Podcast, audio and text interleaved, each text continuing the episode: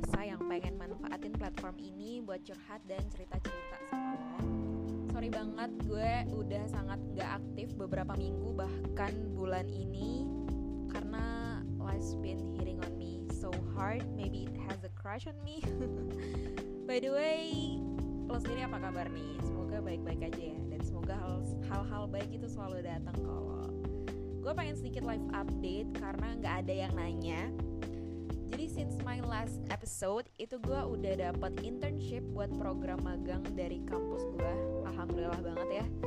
Saya the first segment is presented untuk memperkenalkan tempat magang gue ke lo yang denger. Jadi gue itu magang di sebuah platform self development buat Gen Z yang namanya itu 0, 0, ini sendiri dinamain demikian karena CEO-nya itu pengen kita berkembang sedikit demi sedikit karena lo itu nggak harus langsung 10 gitu perubahan sebanyak 0, sekian aja tuh udah matters banget, udah signifikan banget gitu. Kira-kira asal usul namanya kayak gitu. Dan selain magang, gue juga udah ngelarin project akhir di semester 7 yaitu sebuah event yang namanya Art Showcase. Aduh jadi ketahuan kan kalau gue udah semester 7. Di Art Showcase ini gue take role sebagai sekretaris yang bikin gue lumayan hektik dan lumayan punya kesibukan dan dari event ini juga gue jadi lebih deket lagi sama teman-teman angkatan yang tadinya itu kita udah jauh karena setahun lebih itu kuliah online sebenarnya ya episode hari ini tuh gak punya topik khusus. Karena gue ngerasa berdosa aja gitu ngacangin platform ini selama waktu yang cukup lama gitu.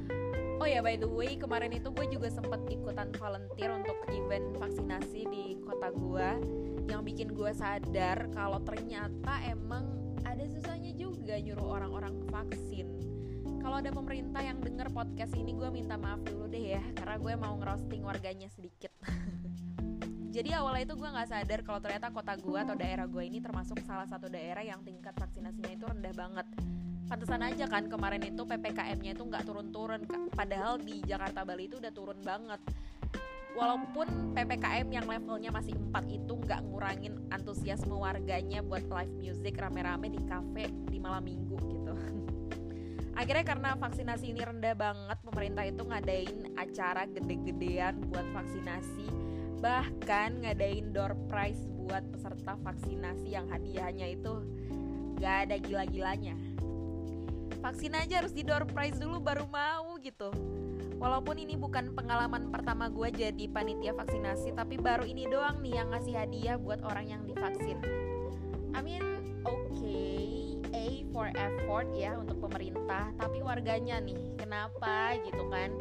Masih banyak banget kaum-kaum anti vaksin yang, udahlah, gue nggak mau terlalu banyak sebenarnya ngomongin ini karena takut nanti platform gue di take down ya.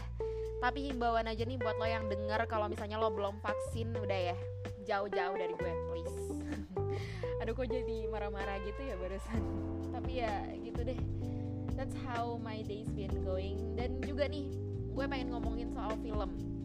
Jadi setelah sekian lama sekian lama itu gue nggak nonton bioskop sekitar 2 tahun atau hampir 2 tahun selama pandemi ini akhirnya gue nonton bioskop dan langsung dua film gak mau nanggung-nanggung.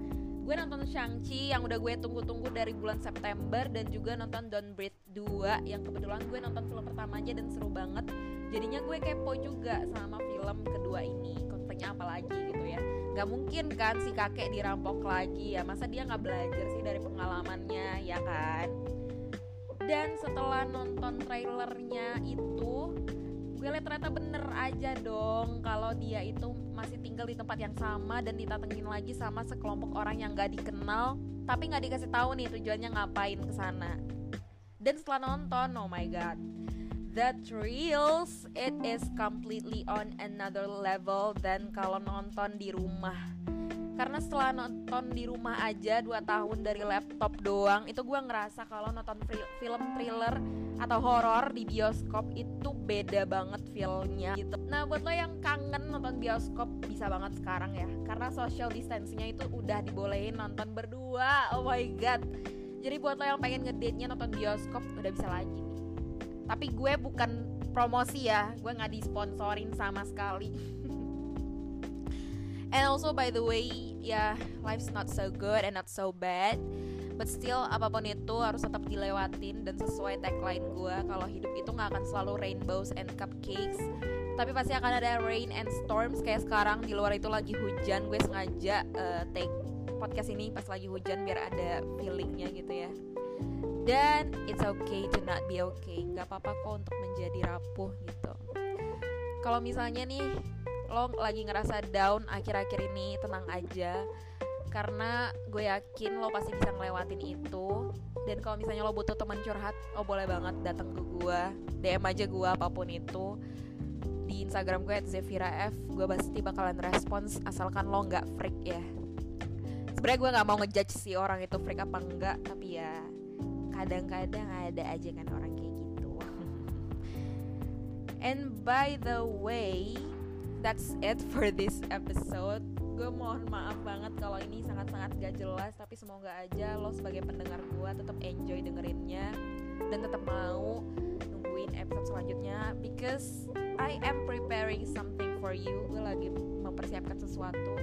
Jadi ya tetap dengerin gue terus ya.